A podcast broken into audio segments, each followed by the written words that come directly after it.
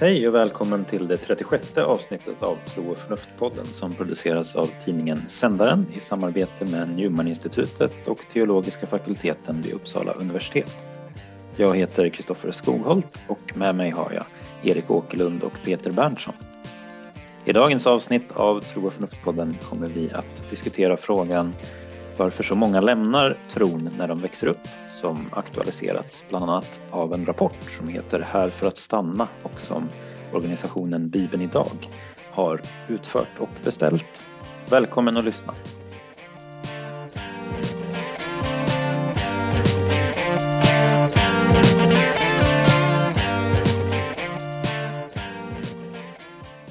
Enligt vissa uppskattningar lämnar ungefär hälften av alla som växer upp i en församlingsmiljö sin tro helt och hållet när de blivit vuxna. Vad beror det på och vad kan kyrkan göra åt det? Det är en fråga som rapporten Här för att stanna försöker att analysera. Rapporten är beställd av organisationen Bibeln idag. I dagens avsnitt av Tro och förnuft-podden försöker vi bearbeta den här frågan. Vi tar vår utgångspunkt dels i rapporten, dels i kritiken mot rapporten som bland annat riktats mot den från podden Exvangeliet och delvis med utgångspunkt i våra egna reflektioner. Så ett ganska fritt samtal om frågan varför så många lämnar eh, men som ändå tar sin utgångspunkt i den här rapporten och diskussionen kring rapporten. Och vi har ju alla läst rapporten. Vad har vi att säga om den om vi börjar i den änden? Ja, man kan börja bara att säga vad, vad den består av eh, och vad den utgår ifrån. Så att, eh, den handlar precis som du säger om det här stora tappet och alla som försvinner. Och i bakgrunden ställer de upp eh, egentligen två huvudsakliga delar och det är dels det teologiska, den teologiska kontexten. Bibliska principer pratar de om och sen dels det sociologiska, huvudteori för analys pratar de om i början. Då. Eh, där ställer de ju upp en ganska intressant eh, tredelad uppdelning vad gäller olika delar egentligen av den mänskliga erfarenheten av att vara i kyrkan, om man vill se det så, eller olika, tre olika delar av människan egentligen som kommer då till uttryck i kyrkan. Det är dels det kognitiva, eh, mer intellektuella delen, Dels det emotionella med, med känslor och dels det sociala, alltså våra inbördes relationer då, eh, som blir en, en sorts eh, eh analysgrund. Mm. Eh, och eh, sen kan vi väl säga att de i den här rapporten också kommer fram till att det är det sociala eller den sociala aspekten som är den mest framträdande eh, och som är den viktigaste att både analysera då, eh, sociologiskt men också den som är viktigast att stötta. Alltså att man får det här förhållandet då mellan den enskilda troende och familjen eh, och eh, därifrån vidare mm. till, till församlingen och att det är just den här sociala eh, biten som man ska jobba vidare med för att få eh, människor att, att stanna då. De talar om framgångsfaktorer för de som stannar. Så att säga. Precis. Och inte minst de här eh, alltså åldersglappen som ja. ofta belysts om mellan olika generationer eller mellan olika kategorier från ungdomsgruppen till vuxen och så vidare. Ja, och då handlar det om att kombinera någon form av inbjudande gemenskap där då eh, med, eh, med också en frivillighet och frihet. De jämför med IKEA så att säga, att ett erbjudande är någonting man kan få, och ingenting man ska tvinga, tvinga på. Då. Du har ju lite kritik där också mot metoden. Ja, mm. det är ett, ett väldigt lovvärt syfte förstås. Det är bra att man går in i och tar, på dem, tar i de frågorna och reflekterar kring det. Ett första intryck är väl, men det kommer vi komma ehm, till lite senare också, att frågeställningen och den övergripande ingången som du presenterade nu och Eh, innehållet och de undersökningar man har gjort kanske inte matchar riktigt. Det vill säga man kan inte riktigt få svar på de frågor egentligen som man, som man ställer genom de metoder man väljer eller de intervjuer man gör och så vidare. Eh, något som då de här eh, som Exvangeliet-podden har varit, varit inne på. Ju. Mm. kanske kan säga något kort om, om metoden för rapporten så är det ju så att de har intervjuat ungefär 40 anställda inom Pingst, Ekumenia och EFK om jag minns rätt. Visst var det så? Mm. Och mm. Eh, liksom egentligen bett dem uppskatta hur många som de beräknar är kvar i, i tron och sådär när de har vuxit upp. Och sen så har man gjort enkätintervjuer med eh, föräldrar och ungdomar i Korskyrkan i Uppsala. Eh, och sådär. Men eh, precis, och Exvangeliet tar ju upp då rimlig kritik där att, att om man nu undrar varför så många lämnar så borde man väl tala med dem som lämnar så att säga. Eh, snarare än man kan ju, ja, så, så det, mm. förut, förutom brist kanske på lite eh, sociologisk analys mellan att få svar och sen se vad svaren landar i så kan man väl, eh, tycker jag man kan eh, se det som då när man väljer den metoden och intervjua de som är kvar eh, för att ta reda på varför folk lämnar eller få reda på framgångsfaktorer så är det självklart så att de som är kvar är de som trivs med och tycker att det är bra så som det är. Så att det svar du kommer få därifrån är ju gör mer av detsamma. För det är ju det, är ju det som har varit framgångsfaktorer som de generellt som är kvar. Mm. Eh, som har fungerat på dem. Men det man vill ha reda på är just vad är det som inte har fungerat för de mm. som, som lämnar. Då? Och där, ja. Det är ju där som det, eh, som det finns det ju, en diskrepans. Det är ganska påtagligt att som du säger Erik, det som har varit en framgångsfaktor kanske säger någonting om vilka som är kvar, men vilka har lämnat? Eh, kan, kanske bland annat de, alltså det är en ganska liten andel på det kognitiva området där man uppfattar att det här är viktigt i stapeln. Jag vet inte vilken sida står det på. Det, jag tror det här, ja men det är ungefär 10 till, 5, till 20 procent eh, i Pingst DK och Ekumenia som anser att det är eh, det kognitiva arbetet som är eh, ja, men som, som var den största framgångsfaktorn. Men eh, det är intressant att fråga, är det för att de inte tycker det, hur tolkar ni det? Är det för att de inte tycker det är viktigt eller är det därför att man inte upplever sig vara så bra på det? Bara, vi kanske ska bara lägga in det i en uh, lite sammanhang där att de pratar ju om och det är väl det som eh, vi ja, tyckte typ var mest uh, värdefullt kanske med rapporten då att den liksom pratar om tron som har tre mm, dimensioner. Mm. En kognitiv dimension, en social dimension, alltså relationerna mm. eh, och sen en emotionell som man kanske också kunde kalla för en dimension av andlig erfarenhet och sådär då. Eh, och Ja, men det var ju tydligt när man lyssnade på Exvangeliet-podden till exempel att mm. det, det, var, det drivs ju av en person som har lämnat tron och intervjuade en annan som har lämnat tron då, eller mm. är i en process att lämna sin tro kanske. Men, men alltså, det var ju tydligt att det var, det var intellektuella tvivel som var mm. ganska centrala så att säga. Och, ehm, jag återkommer ganska ofta när jag tänker på eh, ja, man ska säga, frikyrklans sätt att hantera intellektuella frågor. Att om man, om man bara har en hammare så ser allting ut som en spik. Mm.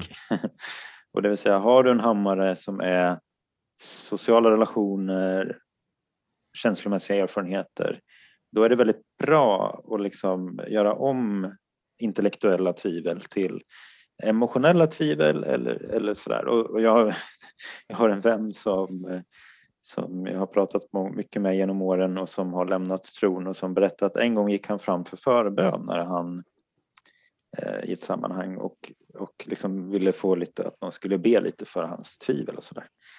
Och då så svarar den här förebedjaren då att jag skulle vilja utmana dig att åka ut med Ungdom med uppgift som är en sån här missionsorganisation då som Eh, och det var så tydligt liksom att ja, men det, det, den hammare man har, det är mer hängivenhet. Så att säga. Eh, så bara för att sätta in det här kognitiva, att, att eh, den kognitiva utmaningen så att säga, det är ju det är en sak att, att berätta för folk vad kristen tro innebär. Så att säga. Och, och det kan man ju förstå på olika sätt. Men som, det, som jag läste på en, en hemsida på nätet, You may be an atheist fundamentalist if uh, your conception of God hasn't changed since Sunday school. Och att det finns en, en slags, eh, vad ska man säga, kognit, den kognitiva dimensionen kan liksom inte bara handla om att ge eh, ja, vad ska jag säga, söndagsskoleversioner av eh, allting. Så. Eh, utan, utan, och där, det där eh, återkommer jag ofta till en distinktion som Bernhard Lonergan, filosofen som jag brukar nämna ibland, eh, har mellan två olika meningssfärer. Han pratar om common sense som är den vardagliga där vi säger att solen går upp och vi säger att någon är snäll och att det där är vacker, en vacker, mm, ett vackert stycke musik och så här. Vi använder orden i en, i en vardaglig bemärkelse och det funkar bra. Liksom. Och det är så vi förhåller oss till tro också. Men i en vetenskaplig kultur så blir allting annat så att säga, har vi också en vetenskaplig eller mer filosofiskt reflekterad förståelse av. Men tron har inte den, vi uppfattar inte det som naturligt att tron ska gå igenom en sån process. Och då blir liksom, lösningen blir att skapa mer innerlighet. Och det verkar vara det som är rapportens, eh, så att säga, eh, medicin här, eller recept. Det är ju att mm ah, hur får vi människor att få en innerlig tro? eh, jo, familjen är jätteviktig. Det måste vara en innerlig, innerlig tro som förmedlas genom familjen också. Eh, och det var ju tydligt när man lyssnade på den här evangeliet att hon som var gäst där, Amanda, hon, hon hade en väldigt innerlig tro liksom, och ville verkligen att det skulle vara sant. Liksom. Så att, eh, eh, ja, nu eh, blev det en liten rant där, men det, det jag tänker på att när man frågar om det kognitiva så kan man liksom förstå det på flera olika nivåer och eh, eh, jag tror ju att utmaningen ligger i att försöka gå då så att säga från övergången från common sense till theory i i en intellektuell kultur som vi mm. lever i. Liksom. Jag, jag tycker det är jättebra och intressant den där delen som tar upp med de här tre aspekterna eller delarna. Just det, det kognitiva, emotionella och det sociala. Det är en jättebra grogrund där de ändå har med i rapporten för att säga mm. något positivt om det. Att mm. säga, spänna upp det lite mer och att man kan titta på det från olika aspekter. Och att det kanske är olika delar av det där som är viktiga i, eh, i olika delar av livet. Det kan mm. vara eh, att det är för en enskild människa och det kan också vara allmänt så i, i det mänskliga livet. Och att man kan, eh, kan se, se det lite mer mångdimensionellt.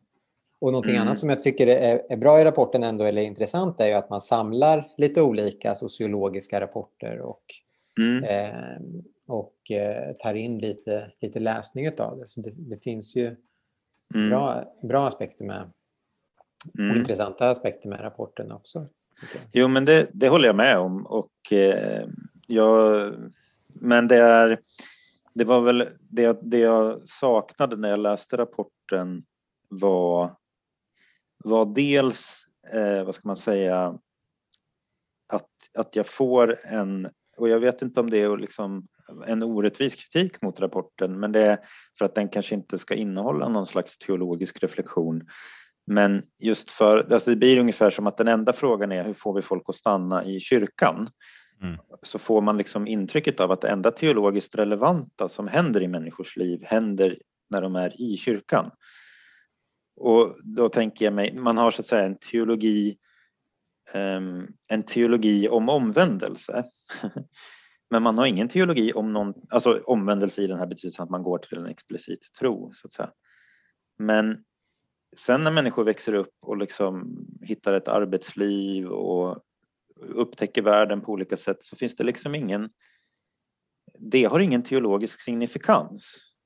För det mm. som har signifikans det är att du blir en del av kyrkan och börjar läsa Bibeln och sjunger lovsång och går på gudstjänst och så vidare.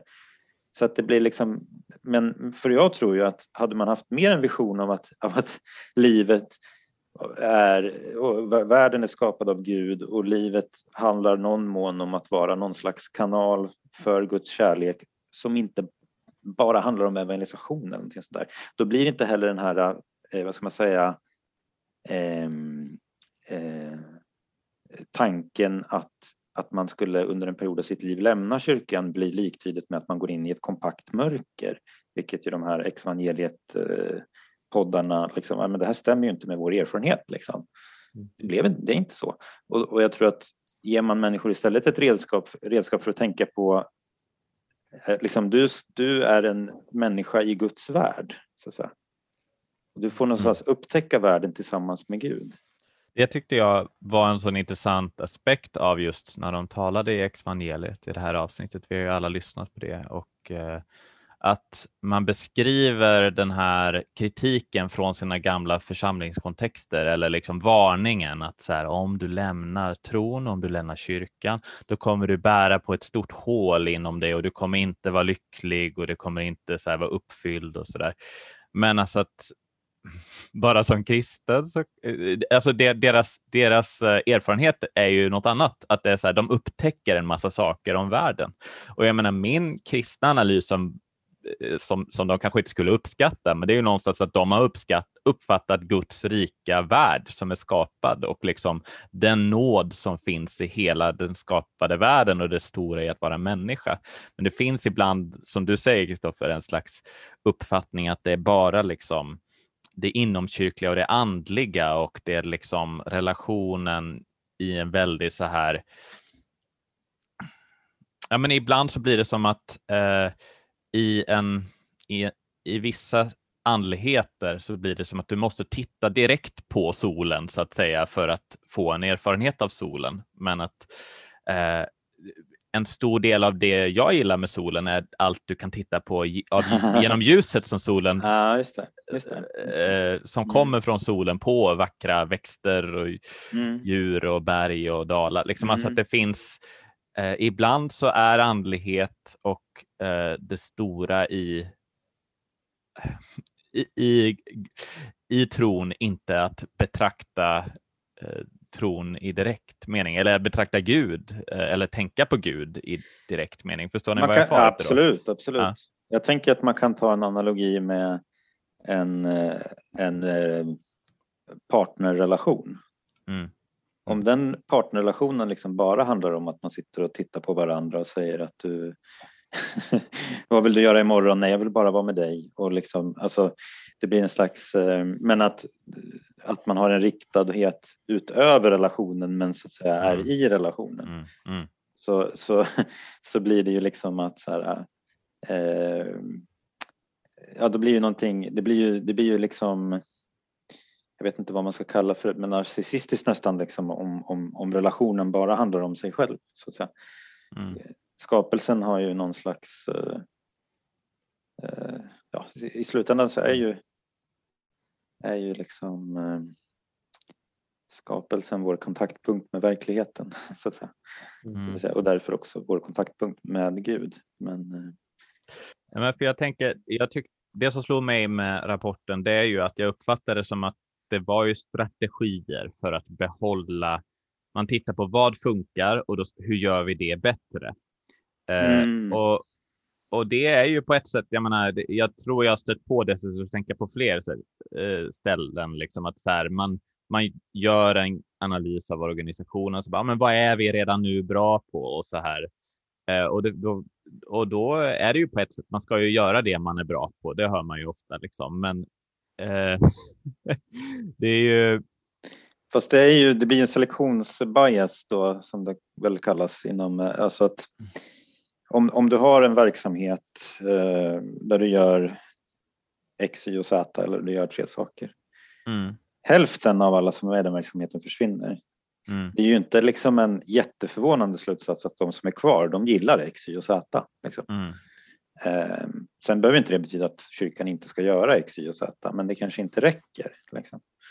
Men, eh. men för det blir så slående då när vi jämför med X-evangeliet, att de, för dem är det en kognitiv fråga hur, nästan, eh, eller kognitiv, de vill inte, de upplevde i väldigt stor grad att det var just det här försvarandet av, eh, av en viss, vissa trosuppfattningar som var en del av problemet, av vad, de, vad befrielsen uppfattas som. Fast där var det väl, det var väl så att säga eh, det jag uppfattade att de sa var ju att ah, jag kan försöka vara öppen för verkligheten. Mm. Jag måste inte först veta allting och sen försöka försvara det som mm. jag redan vet utan eh, jag kan vara öppen för verkligheten. Så, mm. så, och, det, liksom, och, och det här med att, som en av dem sa, att ja, men jag kan läsa en bok om evolutionen. Liksom.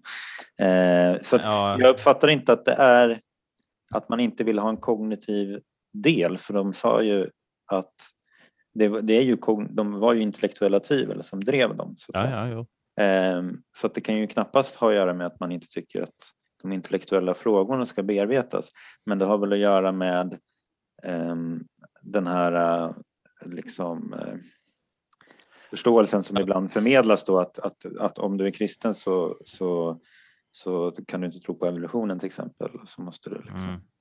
Nej, men exakt, så det är väl vilken ingång du har till kognitiva utmaningar överhuvudtaget som är skiljer sig, som blir den stora skillnaden för då eh, nu, nu tappar jag namnen. Amanda hette gästen och Hanna, precis. Amanda och Hanna var det som talade i samtalet nu med i Exvangeliet. Och, eh, nej, men det är just den här nyfikenheten. Amanda berättar ju om att hon eh, eh, som en del av sin frigörelseprocess började skriva en bok om asatron och att hon kände liksom så här bara, åh, det är så förbjudet kittlande att jag får läsa om fornordiska gudar utan att vara rädd, liksom, att det här kommer liksom göra mig, liksom, att det här kommer förleda mig eller så här. Och jag kan tänka att det du Kristoffer har ju skrivit en recension om den här, eh, någon som lämnade trosrörelsen då, det är väl en roman, men det finns ingenting att vara rädd för.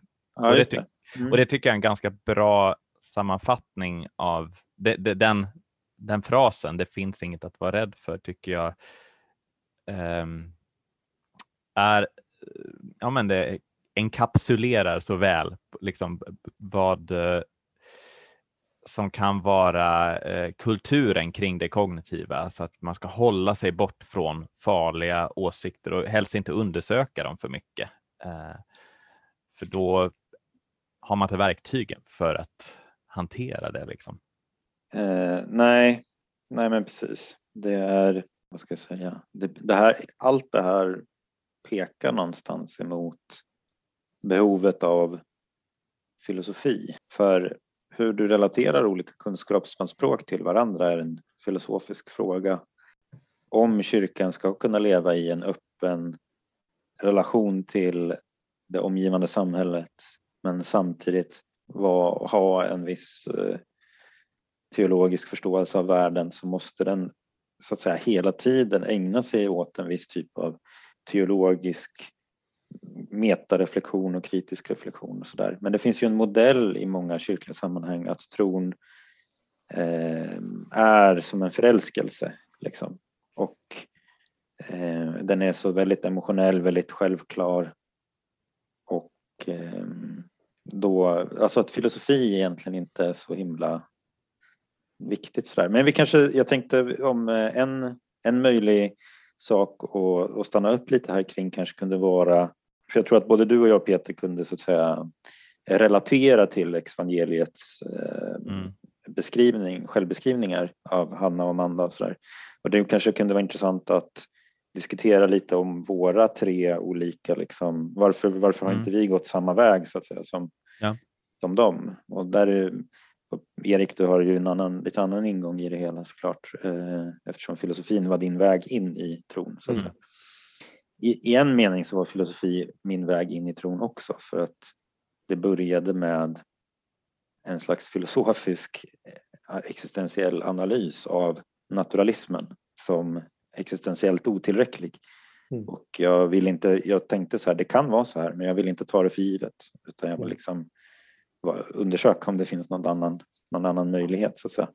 Och sen när jag väl kom till tro så kom jag in i sammanhang som, som, som var, eh, skulle jag säga, ja, antiintellektuella. Och jag formade min tro på det sättet.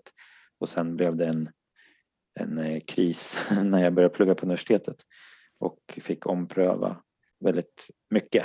Om man bara börjar längre tillbaka där, skulle du säga att hade du ingen relation eller koppling till kyrkan innan din första där naturalismfunderingar?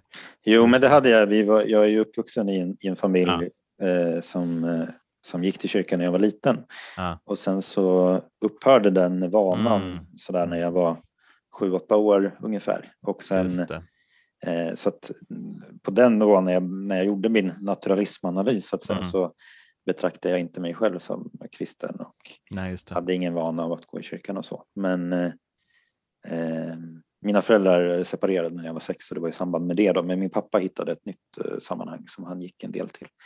Eh, så det var ju också eh, genom det som jag också, så att säga, men, men det blir komplext då eftersom att jag å ena sidan så att säga, bejakar en, en autentisk erfarenhet när jag kom till tro men samtidigt ser att det sammanhanget inte förmådde mm. att eh, hjälpa mig då till en, ja, ska man säga, reflekterande, mogen tro. Så att säga. Mm. Utan, eh, men jag minns att en sak jag tänkte på när jag lyssnade på Exvangeliet-podden, det var att jag i en viss punkt läste en bok som heter New Kind of Christian som är skriven av Brian McLaren som är en postevangelikal eh, författare. Och eh, den var liksom, den var så väldigt träffade precis mina funderingar eh, av det här uppbrottet så att säga mellan olika paradigm och sådär.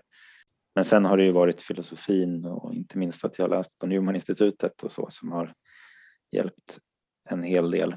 Men den där A New Kind of Christian, den liksom, vad ska man säga, den, den talar om det finns framförallt en sak som den tar upp där då att han, eh, huvudpersonen där säger någonstans att han försöker inte tänka på människor riktigt som kristna eller inte kristna utan snarare som att vi alla är på väg mot Gud. Eh, och eh, det är ju en grej som blir som evangeliet tar upp att det är som binär liksom, framställning. Det är ett av eller på, antingen eller. Så att säga. Mm. Och den förståelsen av att vi alla är på väg mot Gud som ju också finns i ignatiansk eh, andlig vägledning och sådär. Den är hjälpsam för att inte just hamna i den där binära eh, förståelsen. Det var lite det jag försökte säga med mitt blogginlägg också på bloggen där om filosofiska och religiösa omvändelser. Att, mm. eh, eh, den filosofiska omvändelsen är en omvändelse mot sanningen och godheten. Eh, och den religiösa omvändelsen behöver vara så att säga en fortsättning på den filosofiska. Eh, om den inte blir det så kan min grupptillhörighet till den religiösa gruppen bli mer primär än min öppenhet för sanningen och godheten. Mm. Och det är ett problem skulle jag säga i, som man behöver diskutera. Men, mm. Du var på väg? Ja. vid något mm. Om, mm. om, Alltså jag, um, apropå bloggen så har ju jag, uh, jag är på väg nu min tredje del uh, av uh, den här diskussionen om konspirationsteorier och jag, jag har ju skrivit två delar nu och har jobbat på den tredje och jag inser att det liksom är ganska mycket en bearbetning av min egen väg in i fördjupning, både ja, kognitivt framför allt, men även emotionellt liksom, av den kristna tron. Eh, jag hade, eh, min, min familj, jag är uppvuxen i kyrkan och, och mina eh, föräldrar brukade skratta, eh, skratta lite åt att jag var väldigt fascinerad över konspirationsteorier när jag var typ 13-14, vilket jag nämner i mitt blogginlägg. Där då. Och jag var också väldigt fascinerad av eh, eskatologi och apokalyptik i kyrkan. Eh, och det är, jag vet inte om jag skulle säga att det var ett, ett, eh, ett jättetydligt inslag, alltså så här varje söndag i kyrkan, så, men det fanns definitivt en, det fanns i bakgrunden, det fanns i bokborden, det fanns på konferenserna man åkte till ofta, något så här pass om den yttersta tiden. Och jag menar, jag tror att det var utifrån att har du ett intellektuellt sökande och behov av att liksom hitta svar på liksom, vad, är, vad handlar tron ytterst sett om? Liksom? Och, då, det, då och, och, om man har den här hängivenheten och tanken att jag ska liksom, eh, men jag vill väl förstå någonstans, här, vad, hur förstår vi oss själva och så där. Och desto desto mer jag grävde, desto konstigare upplevdes det. Att det, att det var liksom, jag, jag minns jag var på ett, en barnkonferens liksom, och att en vuxen sa så här, eh, någon nämnde något om Uppenbarelseboken och då sa de så här, ja men Tjernobyl är ju, står ju nämnt i Uppenbarelseboken, alltså Tjernobylolyckan. Eh, det står något om malört i Uppenbarelseboken och då har man, och vilket Tjernobyl betyder på uh, ukrainska eller något sånt där. Så att uh, då, då läste man in det liksom. Uh, så att för mig så var, har mycket det blivit liksom eh, vad ska vi säga, fönstret som jag brottades mot, eh, eller det området där jag brottades med den intellektuella delen av tron, därför där ryms ganska mycket av liksom det här, med, även de här andra aspekterna av trons parametrar, alltså det, det, emotionella och det sociala. För till exempel, läser du stora delar av de texter som är centrala i, i en mer eh, väckelsekristen kyrklighet så är det det här apokalyptiska språket i typ första Johannesbrevet att liksom hör du till oss så hör du till ljuset eh, barn liksom och de andra är då implicit eller explicit mörkrets barn och att det finns eh, en tendens att det, det ligger redan i faktiskt i kyrkans eh, grundmaterial eh, att hantera ett sådant språk om att liksom, jag läste nu i söndags evangelietexten, eh, antingen är du, om du den som inte är med mig är mot mig och den som inte samlar med mig han skingrar, säger Jesus då. Eh, och det är ju, jag tror att det är liksom, det, där går ju det sociala och det kognitiva ihop. Så att jag tycker egentligen på det sättet att ska man verkligen brottas med de här frågorna eh, så, så går det inte helt att skilja dem åt. Men för mig har det blivit väldigt mycket så här en, en, en mycket reflektion eh, över liksom det var när jag hittade en gemenskap i kyrkan där jag upplevde att jag inte behövde eh, tänka så mycket på vem är inne och ute som jag kände att jag, alltså det var som att en propp släppte då. Att så här, jag, jag behöver inte ta ansvar för andra människors, eh, liksom var, om de är tillräckligt mycket innanför cirkeln som vi har bestämt tillsammans, eh, som gör dig till ett ljuset snarare än ett mörkrets barn. Liksom. Eh, ja, så det, det har varit en så här, eh, så skulle jag beskriva en ganska viktig del av min eh, resa. Eh, men jag har ju alltid kallat mig kristen på det sättet, utan det har mer varit, i mitt fall har det alltid varit mer en om, en reflektion över var i, ja men vad innebär det och vad innebär det eh, för min syn på andra människor? Det är ju ett tema som gick igen i, i podden, i Evangeliet-podden. Mm. Mm. Ja, som, som du sa, Kristoffer, för min del så kommer jag ju från från en eh, mer ja, sekulär, vanlig, vanlig svensk eh, eh, eh, uppväxt, barndöpt i Svenska kyrkan men inte konfirmerad och sådär. Men eh, eh, kom väl också, där kanske vi är lite lika Kristoffer, att jag runt vad jag nu var 15 också hade en sån här det jag först kom till var väl naturvetenskap och man frågar sig hur är världen och så, kom, och så börjar man läsa naturvetenskap och kommer fram till att ja, men den tolkar inte sig själv. Så då kom jag, jag då till filosofi och började tänka vidare.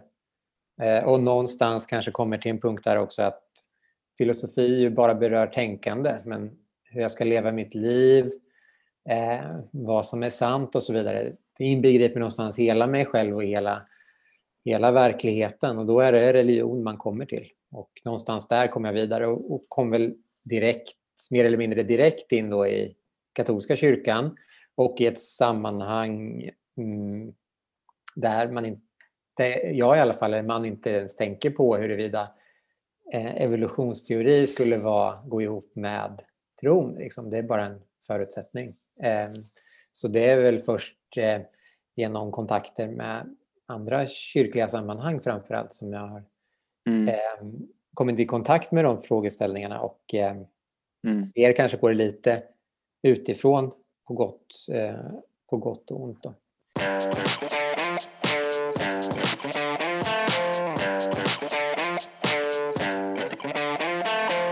Jag funderar på om man kan eh, eh, rama in den här diskussionen med hjälp av begreppet eh, spiritualitet och använda det begreppet i en bredare bemärkelse än en kristen praktik.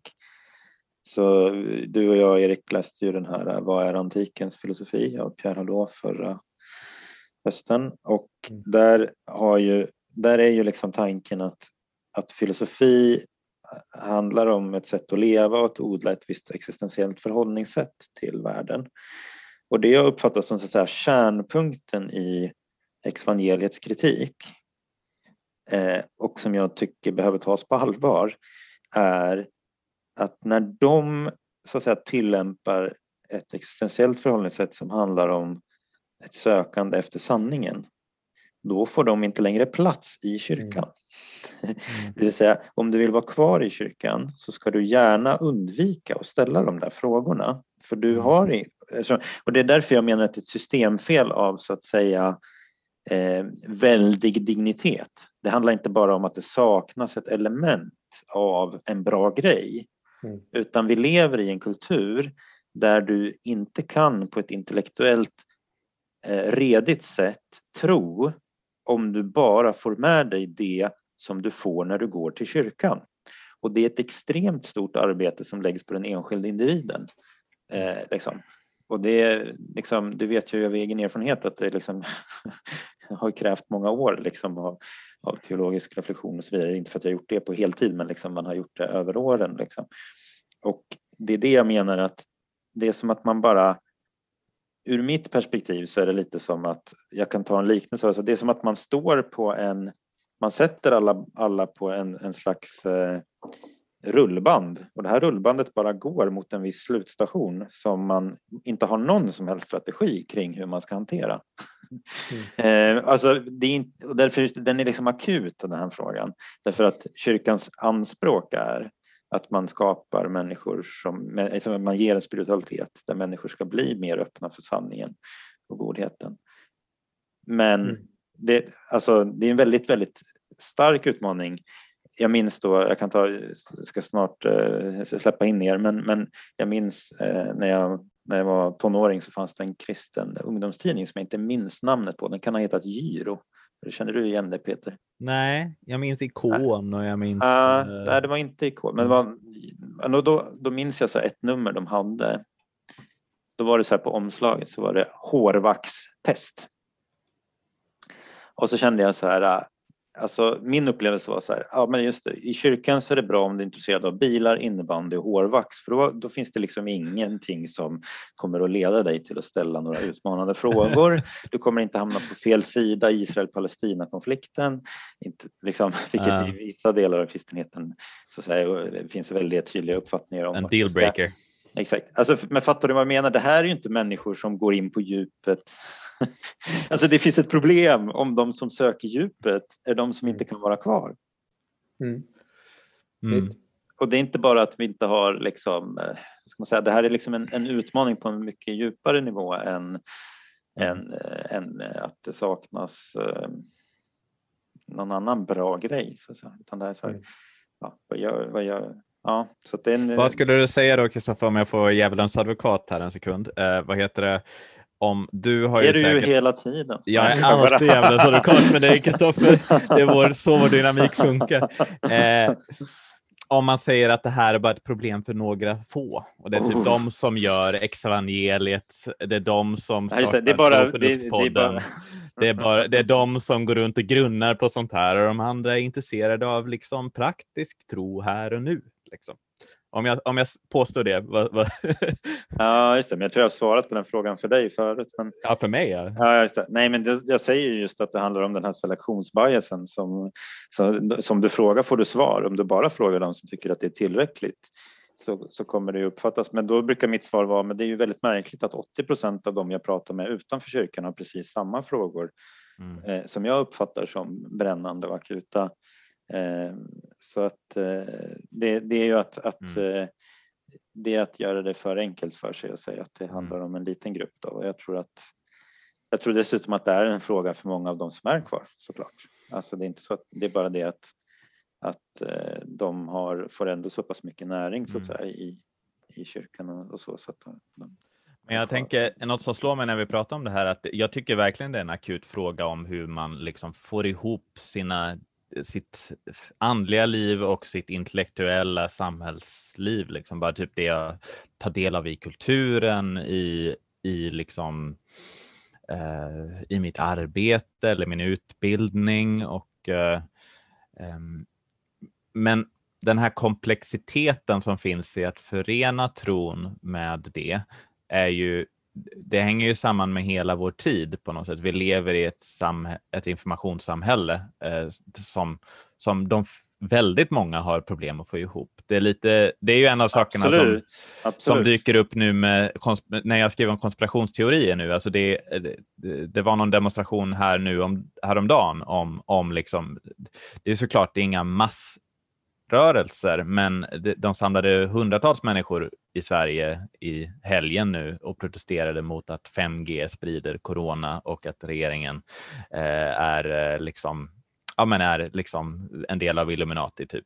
Alltså, det finns ju en slags, jag tror att det finns en stor förvirring, precis som du säger, på en stor i kyrkan, men också utanför kyrkan kring hur får vi ihop den här komplexa tillvaron? Hur får jag ihop någon slags sammanhållen bild överhuvudtaget av vad, vad det är att vara människa i det 21 århundradet? Liksom. Ja, nej men absolut. Jag, jag håller helt med om det och att det, det kanske blir, alltså utanför kyrkan kanske folk har någon slags oreflekterad common sense-förståelse av att vissa, alltså det är inte så ovanligt till exempel att man hör ena stunden någon säga att det finns inget rätt och fel men, men det är väldigt men det är väldigt fel eh, att diskriminera och nazismen var fel och allt.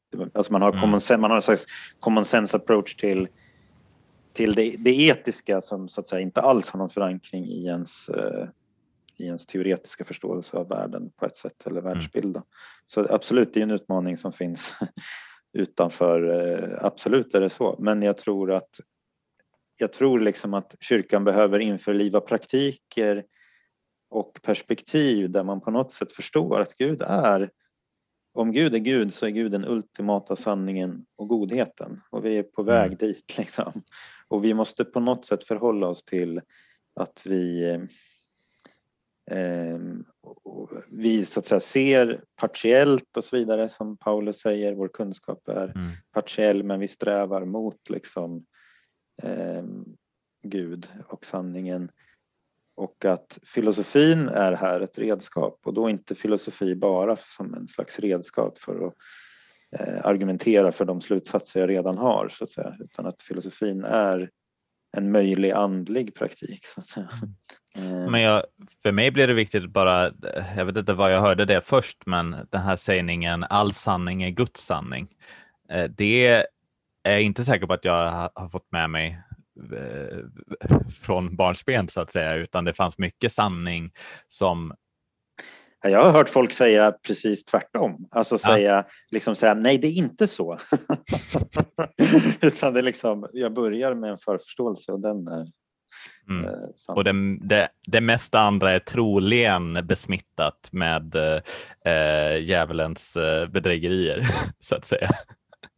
ja, nej men alltså det finns ett slags eh, alltså att det finns en slags misstänkliggörande av mycket av det man kan lära sig i världen överhuvudtaget, det man kan möta på. Och då blir det liksom, och där kan jag uppleva ibland att liksom den sociologiska då strategin, i, särskilt i väckelsekristendom, då blir att liksom Eh, liksom, ja, men vi ska be, i alla fall bevara den här inre kärnan av liksom förälskelse med Gud och liksom och det. Men, och sen så kan du gå ut och liksom göra andra saker i världen, men kom, kom tillbaka och fundera inte kring den här barnatron. Nej, men precis. Jag, jag skrev en teologisk reflektion i en tidning som heter Budbäraren för ett och ett halvt år sedan som handlar om teologi och vetenskap i en vuxen tro. Typ. Och där försöker jag säga då att det här, det jag menar att den här bristen på systematisk reflektion och arbete för att hjälpa människor till en vuxen tro, för mig är det liksom ett systemfel av liksom samma kaliber, om inte större kaliber, än att vi säger att vi inte skulle ha något som helst arbete för att leda barn in i någon slags tro. Det, jag ser det som en, ett i princip större systemfel. eh, eh, därför att i någon bemärkelse så tror jag att om man bara gör det ena, om man bara leder människor in i en barnatro, då, då utbildar man ateister på ett sätt man ger dem en version av tron som inte kommer att hålla när de blir eh, äldre. Liksom. Så att jag, jag, ser det liksom som ett helt fundamentalt systemfel som de flesta inte verkar tycka är någonting att bry sig om, vilket är en väldigt speciell och absurd eh, situation tycker jag att befinna sig i. Tror, Erik, upplever du att till exempel i en katolsk kontext eller så här, att det finns en slags barnatro, eh, alltså att man lyfter fram någonting i stil med barnatro som någonting eh, positivt, alltså på det sättet som, vi, som man har gjort i till exempel, eh, det finns ju en känd psalm som jag, den barnatro, barnatro, som jag ibland, eh, som inte får, finns i Svenska kyrkans psalmbok, men vi ska sjunga den. Men den blir ofta någonting vi sjunger på begravningar eller liknande eller på dop. Och så där. Ofta någon så här, min farmor brukar alltid sjunga den här. Och, eh, den, eh, den är väl mest känd från Frälsningsarmén. Känner du igen den approachen i sammanhang i liksom den katolska sammanhanget? För jag tänker att det är ju ändå de här utmaningarna möter ju människor utanför, särskilt vi är ju akademiker vi tre i någon mån. Vi har Eh, eller mm. eh, människor som inte är akademiker brukar nog i alla traditioner känna att det är ganska skönt att ha en barnatro så att säga. Så, vad tänker du Erik? Alltså min, eh, mitt perspektiv på katolska kyrkan är nog eh, ganska snävt ändå. Jag lever i en mm. ganska udda Mm. Eh, kontext någonstans ute i liksom, den katolska världens utmarker. Mm. Dessutom i en konstig kontext där, i en akademikertät församling i Uppsala. Mm. Så, så, min bild av mer, mer vardagligt, vad som är vanligt och inte, kan, behöver nog inte vara representativt. Men jag känner mm. nog inte igen det från, från mitt perspektiv. utan eh, Men däremot det finns ju det här med att ni ska bli som barn, men att det finns en mm. betoning av en vi har pratat om tidigare här. Första är naivitet och sen en andra naivitet. Men i katolska kyrkan har du ju eh, inte bara söndagsskola som barn utan du har en katekesundervisning från, eh, från att du är en 6-7 år upp till, upp till och med konfirmationsåldern vid 15 där man eh, gradvis ökar på. Det finns en betoning av att eh, liksom den kognitiva sidan av tron måste följa jämna steg med den allmänna utvecklingen. Och det finns till och med i, i liksom viktspegeln i den katolska bönboken Oremus, den officiella, alltså, har, har din kunskap om tro följt med din, din allmänbildning? För det är klart att om du, om du är mer intellektuellt inriktad, om du är en akademiker inom, inom något ämne eller om du är naturvetare eller någonting sånt där, så är det klart att det kräver mer reflektion, mer intellektuell... Eller har intellektuella intressen. Eller har intellektuella mm. intressen, så att säga. Att det kräver mer, eh, mer reflektion än, än, om man, så att säga, i, in, om den delen av livet inte är så framträdande. Alltså det är ju frågor som uppstår, uppstår för, för vissa eller många på olika nivåer. Men då finns det ju förstås resurser i katolska kyrkan så att eh, du kan läsa böcker och du kan, alltså det uppmuntras. Exakt, och det, om man kollar på ledarskapet, om man kollar på ledarskapet i katolska kyrkan så är det ju väldigt utbildat, väldigt välutbildat. Prästerna börjar ju med två år filosofi eh, medan filosofi är liksom i princip valbart i de flesta andra samfund. Alltså det är väl tros och livs B är väl obligatorisk för präster i Svenska kyrkan. Eh, det vill säga B-kursen i tros och livsåskådningsvetenskap som har en delkurs i religionsfilosofi. Men alltså, eller om du alltså, kollar på det på materialet som finns så det pågår hela tiden reflektioner kring och, och det betraktas inte så att säga av någonting som är en apart sysselsättning utan det betraktas som en intrinsikal del i att reflektera över tron. Mm. Eh, alltså, eh, ja, för, förra påven men det, men... var en filosofiprofessor, liksom, den nuvarande påven då som är väldigt folklig på ett sätt som är sjukt lärd. Liksom. Det, det är mm. liksom, det, du är inte ensam utan då har du det och du har det mitt i kyrkan. Liksom. Jag vill inte föra fram någon katolsk triumfalism här, liksom, säga att allting är bra i katolska kyrkan eller, eller någonting åt det, mm. det hållet. Men jag tror att, att utmaningarna kan se lite annorlunda ut. Och det finns saker som man av, eh, på grund av liksom historien eller hur man har hanterat det har lite förspänt med. Som jag sa ju tidigare det här med att de andliga rörelserna, ja men det är ju ordnar och, och kloster och mm. sånt där som börjar som någon form av andliga rörelser, människor och grupper som vill ha en liksom, mer intensiv form av, av religiöst liv. Men man har hittat former för hur, mm. hur de kan leva inom kyrkans ramar. Och Det är samma sak, eller lite liknande då med det intellektuella. Det är ju, under medeltiden så växer de medeltida universiteten fram i kyrkans hägn. Men alla behöver inte göra allt. Liksom. Eh, och det, det kanske är också liksom någonting som man får lite gratis när det är ett stort sammanhang. Att det ser lite mm. olika ut och jag behöver inte, jag behöver inte, jag ska inte som, eh, missta min speciella inriktning och mina uppfattningar mot liksom, kyrkans i stort uppfattning. Eh, så det kan finnas andra som har helt andra inriktningar i sitt andaktsliv eller i sin jag tror Thomas, Thomas av Aquino eh, lär ju ha sagt att det är inte så att varje enskild troende måste ha en väldigt intellektuellt genomarbetad tro, men kyrkan mm. behöver ha det. Och det är det som är systemfelet eh, som jag ser det då. Men jag skulle också säga att absolut, det finns ju så här jag uppfattar att i din fråga Peter så finns ju också lite den här föreställningen om det finns liksom en folklig katolicism och så där i många ja, ja. delar av världen som mer handlar om en praktik och så där. Men mm. vi lever i en allt mer intellektuell kultur där mm. det är allt fler som är akademiker. Och då är situationen, det är som att all teologi i en mening har en kontextuell dimension. Hur mm. ska man vara kyrka i en sån miljö?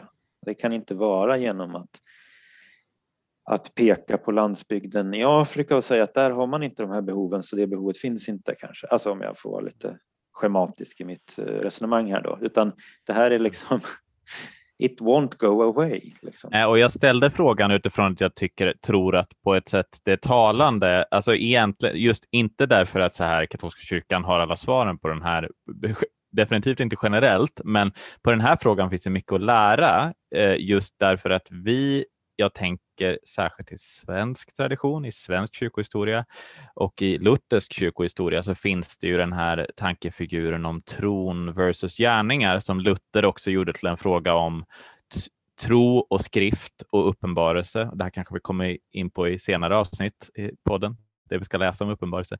Där, där Luther ställer upp tron mot förnuftet och förnuftet är djävulens hora, eller något sånt där tror jag han säger. Alltså det, förnuftet är någonting som bedrar oss till att eh, liksom själva med vår egen kraft skapa, eh, eh skapa någonting som leder oss till högmod och leder oss till ett något eget. Så att därför blir filosofin misstänkliggjord i stort inom den lutherska traditionen, inte minst. Den reformerta kyrkan har en annan historia där, men, men jag tror att det har spökat ganska mycket i svensk tradition. Det ledde i och för sig till luthersk ortodoxi, vilket blev så här där man skulle ha exakt, exakt rätt troslära och sen så kommer den här mm, romantiska, eh, emotionella reaktionen i form av väckelserörelserna som handlar om, nej, ja, det handlar om tro, men det handlar om hjärtats tro, inte alltså, system, skolastik utifrån tro. Liksom. Och, och, så finns det den här diskussionen då. Och, vilket, och jag tänker då att när den kyrkan möter upplysningen och den, eh, och den eh, särskilt frågar om vetenskap och evolutionsteori och trovetande Hedenius och så, här, så blir man ju väldigt tandlös. Man vet inte. Vi, ja, men hur, vi har, då hade vi inte med oss riktigt något att möta förnuftets frågor med, för förnuftet var ju redan utdömt som något dåligt. Nej, just det. Alltså det precis det, det man kanske kan säga saknas här är en spiritualitet som inbegriper intellektuell ja. reflektion och som gör det från början, alltså avpassat för den nivå där man befinner sig så att säga, mm. om man, beroende på ens ålder och så här. Men det finns liksom ingen spiritualitet kring, jag tänker ju att en del av sådana här brottningar är en form av askes på ett sätt. Alltså det är intellektuell askes skulle jag säga, att brottas med de här frågorna. Men det är som att vi snarare betraktar det som inom, inom det här paradigmet så är det snarare någonting, och nej nu är jag utanför det här tillståndet av en eh, innerlig känsla så att säga, så att vi uppfattar det som oandligt. Eh, mm. Medan det, det, vad fint det skulle vara om man fick liksom veta från början att ja, men nu är det liksom en brottningskamp som liksom där, den, där tolkningsnyckeln för, din brottning, för brottningskampen det är att du, du går, in, går in i en ny fas på något sätt och, och den kommer vara jobbig liksom, för så är det i, när man växer. Det är jobbigt liksom. och, och att man kan ha en spiritualitet kring intellektuell brottning i tron och liksom lära människor vad finns det källor för dig att hämta ur när du hamnar i de här frågorna och perioderna. Ehm, att få rama in det i, i en förståelse av precis som att um, jag var inne där tidigare på att, att jag liksom i rapporten saknade ett perspektiv av att det här att leva med människa, som människa är teologiskt relevant och signifikant så att säga på, i många områden ja, av livet är teologiskt signifikanta. Så det här är också liksom teologiskt signifikant och en del av en andlig eh, praktik så att säga. Eh, mm. det, det, det, det, jag tänker att vi kanske kan avsluta sen med att, nämna någon eh, någon, någon källa eller någon, någon litteraturtips eller någonting sånt för de människor som, som eh, funderar liksom på vad, vad kan man få intellektuell fördjupning Liksom. Ehm, men ehm, ja, som jag nämnde så skrev jag ett blogginlägg där häromdagen om, och där jag även citerar Simon Weil när hon skriver om eh, till en präst. Hon skriver liksom om sin hon, hon liksom beskriver hur hennes intellektuella hederlighet, hur hon uppfattar det som en andlig praktik och inte någonting som hotar eh, hennes andlighet eller hennes tro. Då. Utan, och det, det är väldigt eh, Ja, det var väldigt intressant tyckte jag. Det finns någonting man säger ibland, eh, det är mer i, i akademiska eller vetenskapliga sammanhang, eh, att eh, vissa förstår ingenting för att de förstår allting för snabbt. Men det kan nog appliceras på många livets områden. Det vill säga, det handlar inte så mycket om att ifrågasätta, säga ja eller nej till någonting, utan det handlar mer om att jag har hört någonting eller tagit in någonting och så inser jag, jag förstår inte helt det här. och så gå, gå vidare med det. Och så är det ju med, med allting egentligen. Med själva verkligheten som vi har runt omkring oss är för djup eh, för att vi ska kunna uttömma hur mycket mer då inte liksom, teologiska frågor. Och det ligger ju i sakens natur att vi ständigt kan överskrida vår nuvarande förståelse för det. Och bara av det skälet, Just det. Eh, av ett djupt teologiskt skäl, så måste vi ständigt utmana våra egna bilder utav och föreställningar om vad de facto, eh, de facto som eh, det är, som är det sanna goda till exempel i det här sammanhanget. Ja.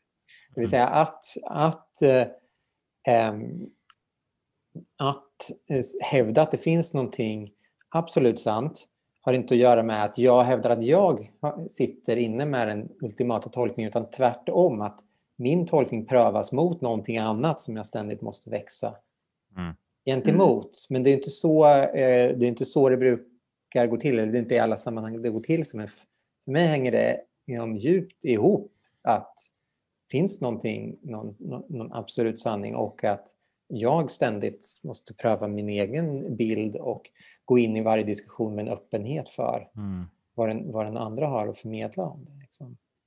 Mm. Ja, jag tänker, jag tänker på jag var nära att citera KG Hammar här. Jag har inte sanningen, jag söker den. Men jag, just den frasen kan jag faktiskt skriva under på. Men det är ju det att jag, sök, jag tror att Gud är sanningen med stort S och har sanningen.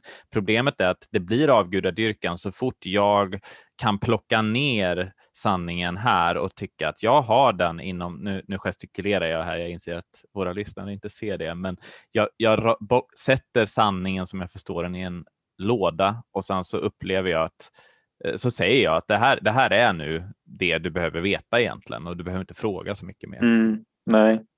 nej, alltså precis. Jag, jag eh, håller med och en annan aspekt dock, eller vad man ska säga, i det här är att eh, jag vet inte om vi har varit inne på den distinktionen förut, men, men eh, man brukar göra en distinktion ibland mellan problem och mysterier. Mm. Och Gud är ett mysterium så han överskrider det har med det att göra. Mm. Ja, han överskrider vår eh, kapacitet att förstå honom och det är underbart att det är så. eh, men det jag skulle vilja säga då att det betyder till exempel att vi aldrig behöver sluta med den här podden. Vi alltid till exempel. Exakt. Vilken affärsidé. Precis. Um, mm. Precis. Uh, nej, I himlen liksom. Ja. nej men uh, uh, precis, men Gud är, är liksom, ja, det, men problemet är att man i vissa delar då av, av kristenheten gör så att säga eh, vissa frågor som egentligen är problem mm. till en typ av mysterier. Alltså, eh, man tar till exempel då frågan hur ska vi få ihop eh, Just för att man inte har liksom en basal filosofisk reflektion så får man massa problem som man mm. kanske drar mysteriekortet inför. Så att säga. Säger nej men du ska bara tro inför det här. Hur mm. kan Gud skapa, hur kan, evolution, hur kan evolutionen och skapelseberättelsen vara sanna? Liksom? Du, får, du får bara ta det i tro. Liksom.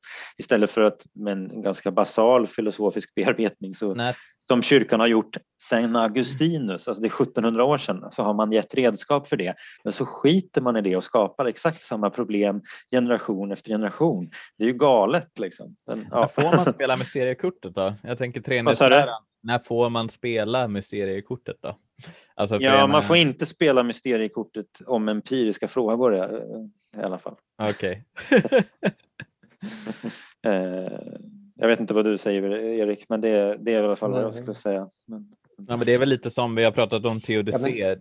Det är ju ett liksom, det är för många fortfarande ett mysterium, liksom, men vi kan ge, vi kan ge förklaringar. Vi kan ge ett försvar, men vi kanske inte kan ge ett teodicé. Ja, men ett, ett exempel på på vilken nivå det ska ligga, om man tar då treenigheten, så så säger många att ja, ja, det här med substans och person och, och sånt där, det är ju eh, bara obegripligt, det kan ingen förstå.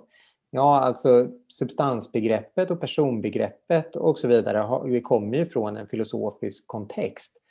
Så de i sig är ju inte till för att fördunkla, man vill ju uttrycka någonting. Mm. Eh, så mysteriet ligger, frågan är om mysteriet ligger så att säga hitom orden eller om det ligger bortom orden. De ligger inte hitom orden, vi kan så att säga klargöra det är ju in, inkorporerat i och uttryckt med mänskliga ord som kommer från ofta från filosofiskt, eh, en filosofisk tradition. Så vi kan försöka klargöra så mycket som möjligt för att kunna att säga, uttrycka det här. Men sen är det bortom, det är om vi tror att vi fångar någon form av hel verklighet med de här orden, det är då vi eh, har gått, eh, gått fel. Mm. Mysteriet ligger ju i, i förlängningen. Man kan också uttrycka det på ett annat sätt. När det gäller Gud och det gudomliga så är det antingen så att man, det finns aldrig nog med ord att prata om det, eller så är man tyst. Det är någonstans där. Ja, på ett sätt så är det outtömligt. Man kan säga så mycket och det har mm. inte med mysterium att göra. Och en annan så här, berättigad hållning är att stå tyst i förundran inför eh, mysteriet och båda har sina berättigande i olika sammanhang. Mm. Du ser, nu blir det tysta inför mysteriet här. Det är, många, det är många som skulle, vad ska vi säga, nöja sig med tystnad när det kommer till till exempel hur det gick till när Gud skapade världen. Men nu triggar jag Kristoffer när jag säger så. Eh, många som skulle nöja sig med tystnad. Ja. ja jag tror att det är på olika nivåer eh, i så fall. Eh, Okej. Okay. Alltså, Nej, men för alltså, jag blir mer provocerad av någon som så här, verkligen ge sig hän att försvara 6000 års kreationism än någon som säger jag vet inte, det, det får andra fundera på.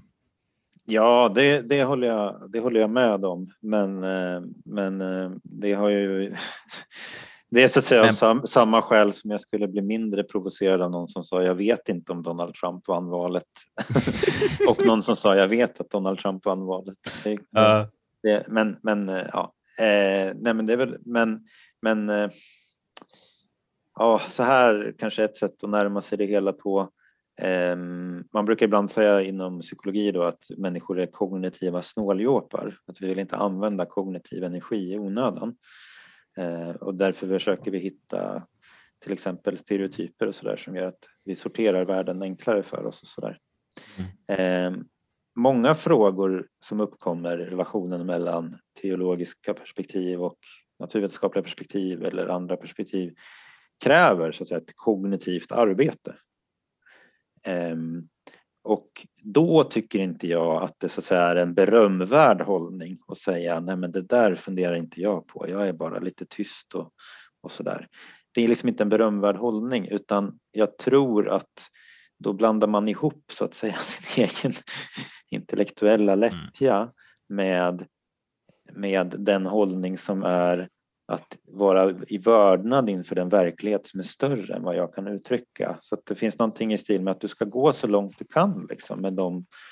Eh, du, du, ska vara, men, men, men det är... Men, ja. men jag skulle kräva en sån hållning i första hand av präster och pastorer och kyrkan som helhet snarare än att jag skulle kräva den av troende på egen hand som inte Förstår du vad jag menar då? Att någonstans så är det i första hand Jo, absolut, men det är lite, det är lite, mm. det är lite så här tror jag att, att um, om, om vi vill att även människor utanför kyrkan ska kunna närma sig tron så mm. behöver de som de möter i sin vardag, det vill säga van, som i normalfallet är vanliga kristna människor, mm. ha en så pass mycket teologisk eh, och filosofisk kompetens så att de kan begripliggöra hur det är möjligt att tro på Gud och evolutionen eller på skapelse och evolutionen.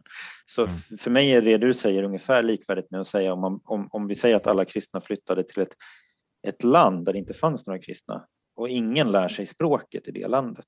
Då kan man ju säga att ja, det är viktigast att prästen och pastorerna gör det, men det blir liksom inte oviktigt att de andra gör det heller. Och i en mening så mm. kan man säga att vi kristen kyrkan lever i en slags... Jag läste lite om eh, Israels eh, exil i, i Babylon och sådär. Då slog det mig att det finns ju vissa delar av, av liksom att, att moderniteten innebär ju en sån transformering i vår världsbild och den teologiska förståelsen eh, var förknippad eller uttryckt i en tidigare världsbild det betyder inte att den teologiska förståelsen då är så att säga, tvung, bara giltig i den världsbilden, men den behöver transponeras så att säga, till en ny världsbild. Och det tycker jag inte verkar ske så att säga, tillräckligt mycket när man växer upp i kyrkan. Då får du inte redskap för att transponera eh, den teologiska förståelsen av tillvaron till en ja, evolutionär förståelse av tillvaron. Eh, så det, det, på det viset så led, skapar vi människor som lever i en slags exil och som inte själva heller har eh, redskap för att, att, att göra så att säga, översättningen eh, när de möter andra människor. Mm. Ska vi ge några tips då som du var inne på, på hur, mm. hur man öppnar sig för världen? ja, för min del så handlar det nog, det jag fastnade i nu var väl snarare liksom den här hur man, var, var det kan vara bra om man vill intellektuellt reflektera liksom över jag tror att vi har varit inne på så stora områden, liksom, den intellektuella bearbetningen, någon slags skapelsebejakande spiritualitet och, och så vidare. Det finns, man kan ju hitta, kanske kan hitta länkar sen och lägga upp i vår beskrivning till mm. programmet också. Men jag, jag, jag tänker nog på dels på Ulf Jonssons bok Med tanke på Gud som, är, som kom 2004, då, inte den här Med tanke på tron, men Introduktion till religionsfilosofins grunder som, som är en väldigt bra introduktion till och väldigt pedagogisk om man liksom vill börja reflektera över tro på ett filosofiskt sätt. Mm. Det skulle nog vara min rekommendation. Tror jag. Jag kan även rekommendera den här Brian McLaren, A New Kind of Christian, men den är av ett lite annat slag. Sådär. Jag kan ju säga att för min del så tror jag att eh, ett sådant författarskap som Peter Hallorfs eh, har eh, betytt mycket både för mig och jag tror en hel del andra, särskilt med frikyrklig bakgrund, i det att eh, både han i sitt författarskap men också eh, det som tidskriften Pilgrim till exempel har stått för är just ett slags eh, ja, men en slags spiritualitet som är både hängiven och, och vad ska vi säga innerlig, men och, och med liksom mycket av etoset och pastoset från frikyrkligheten eh, bevarat, men med en genuin nyfikenhet på, eh, eh på omvärlden och på, på ja, världen överlag. Mm, och, mm. Så jag skulle säga Absolut, jag håller med. tidskriften Pilgrim är väldigt bra eh, Ja. källor att gräva i. Mm. Ehm, jag kanske kan nämna två också då, den, av lite olika slag. Den, den eh, eh, första som jag nyligen gjorde reklam för kan man säga på vår Facebook-sida. Va? Vi har ju börjat eh, använda vår blogg och vår Facebook-sida lite mer. Eh, en som heter John Håt. Som är en sån här eh, verkligt eh, ja, typiskt mainstream eh, katolsk teolog eh, som resonerar kring frågor om eh, evolution och naturvetenskap och, och religion. Väldigt influerad då utav den här Bernard Lonergan som, som du Kristoffer eh, eh, nämner. Så det är en, en sån.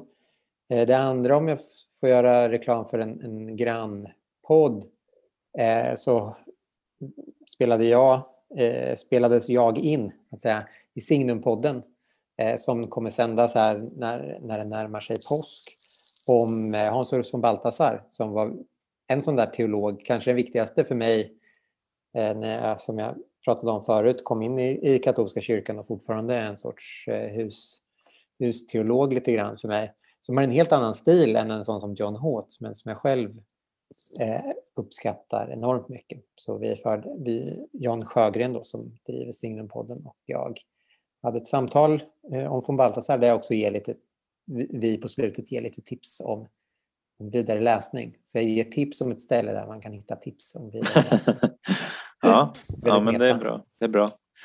Eh, jag tror det här samtalet blev lite längre än vad det brukar, men jag tror att det får vara det för att eh, Mm. ja, det krävdes också lite grann för att vi skulle komma in tror jag i, i våran egentliga tankeprocess eller vad vi ska kalla det för. Eh, och förhoppningsvis så, så kanske det också upplevdes att det inte var lika så att säga, kunskapstyngt så att det kanske är lite enklare att lyssna på ändå. Jag tänker att vi kanske ska säga att samtalet också på, fortsätter för den som eh, Ja. vill. Just det, absolut. Jo men det, det är sant. Vi ska ju ha ett sånt här Clubhouse-samtal med Robert Kjellberg som är chefredaktör på Budbäraren. Eller förlåt, sändaren. Eh, och eh, eh, det blir torsdag den 18 mars 12.30. Och Clubhouse är ju ett socialt medium där man snackar, alltså pratar eh, över telefon så att säga. Då. Och det kräver väl iPhone fortfarande. Eh, så, men om man har det så finns det en länk till det på eh, vår Facebook-sida och vi får lägga ut en länk på vår hemsida också tänker jag, på Wordpress-sidan och även på Libsyn så att det går att hitta på alla tre ställen. Precis. Ja, men det blir kul får vi se och så får vi väl ja, se om vi kan fortsätta samtalet kanske med Exvangeliet någon gång eller så. Mm. Det skulle ju vara Mm. intressant. Ja, men då säger vi tack för idag och eh, så eh, hörs vi torsdag 18 mars. Om inte förr. Mm. Ha det bra. Ha det. Hej. Hej.